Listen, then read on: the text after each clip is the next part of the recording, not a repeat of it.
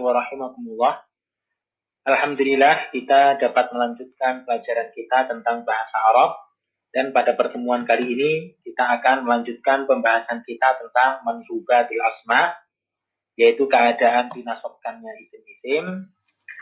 Adapun khusus pada kesempatan kali ini kita akan lebih memfokuskan diri untuk membahas kelompok yang kedua dari mansubatil asma yaitu al-maqul yaitu apa? Al-maqul fi. Al-maqul fi ini dikenal pula dengan nama borof ya, borof. Kalau dalam bahasa kita ini dinamakan dengan kata keterangan ya, dinamakan dengan kata keterangan. Jadi maqul fi atau borof ini dinamakan dengan keterangan. Baik, eh, adapun secara ringkasnya kita definisikan bahwasanya maqul fi atau borof adalah isim yang menunjukkan keterangan waktu atau tempat terjadinya suatu perbuatan.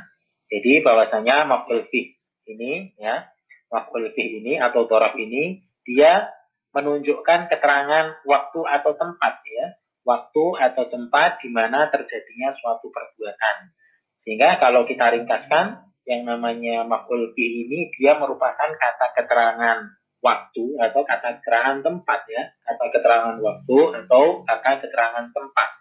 Dan dia itu ya i'rabnya itu nasab. Ya, i'rabnya apa? Nasab atau dia mansub karena termasuk kelompok dari mansubat asma. Sebagai contoh misalnya kita buat kalimat sederhana sapartu lailan ya, sapartu lailan. Aku melakukan safar ya pada malam hari ya, lailan. Lailan di sini ini merupakan kata keterangan ya, keterangan apa? Keterangan waktu dan dia mansub karena dia merupakan maf'ul fi. Baik, kemudian kita ambilkan contoh yang lain misalnya sumtu yaumal isnain ya, misalnya sumtu yaumal isnain. Aku berpuasa pada hari Senin. Nah, di sini yaum ya, yaum hari ini merupakan kata keterangan ya, keterangan waktu. Oleh karena itu maka kita apa i'rab dengan nasab dan dia nah, kita tandai dengan harokat fathah sehingga menjadi yauma ya. Sumtu yauma al-isnain ya.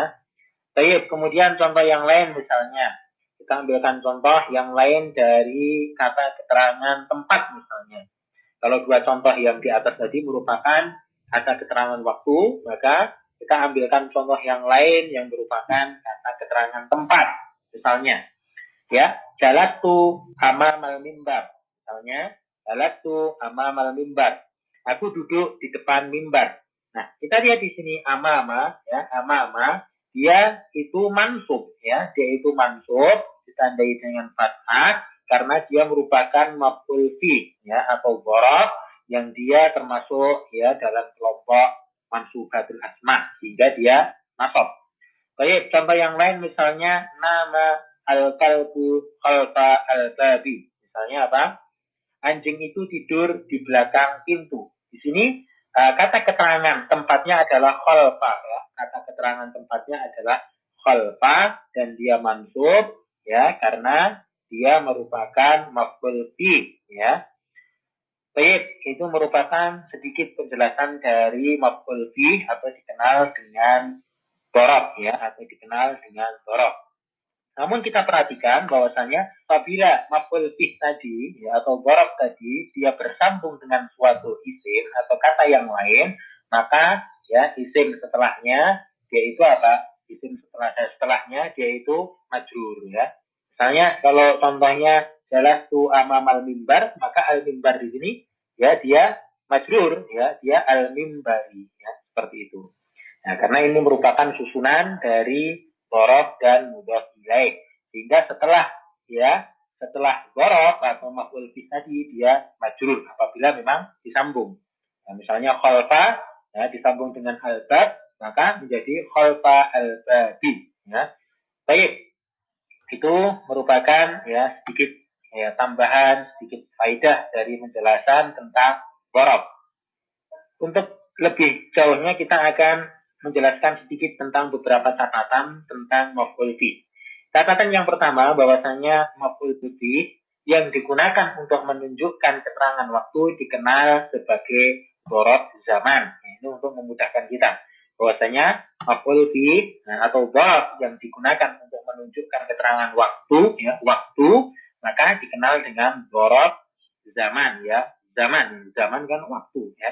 Borot zaman, yaitu kata keterangan waktu. Adapun sebagai catatan yang kedua, maf'ul fi yang digunakan untuk menunjukkan keterangan tempat dikenal sebagai ya dorof makan ya. Makan itu kan tempat. Sehingga kata keterangan tempat itu dikenal dengan istilah dorof makan. Baik.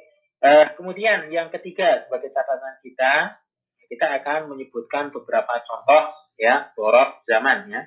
Nah di antara contoh dorof zaman ya itu ada beberapa kata ya di antara contoh dorof zaman dia ada beberapa kata ini dihafal saja. Yang pertama adalah sobahan, ya artinya pagi hari. Kemudian lailan, malam hari. Syahron, bulan. Tarotan, terkadang. ya Qobla, ini sebelum. Anifan, baru saja. Wadan, ini besok. Al-an, ini sekarang. Ahyanan, ini kadang-kadang. Nah ini merupakan kata-kata yang dia itu sering digunakan sebagai dorot ya. Lebih khusus lagi dia adalah dorot zaman.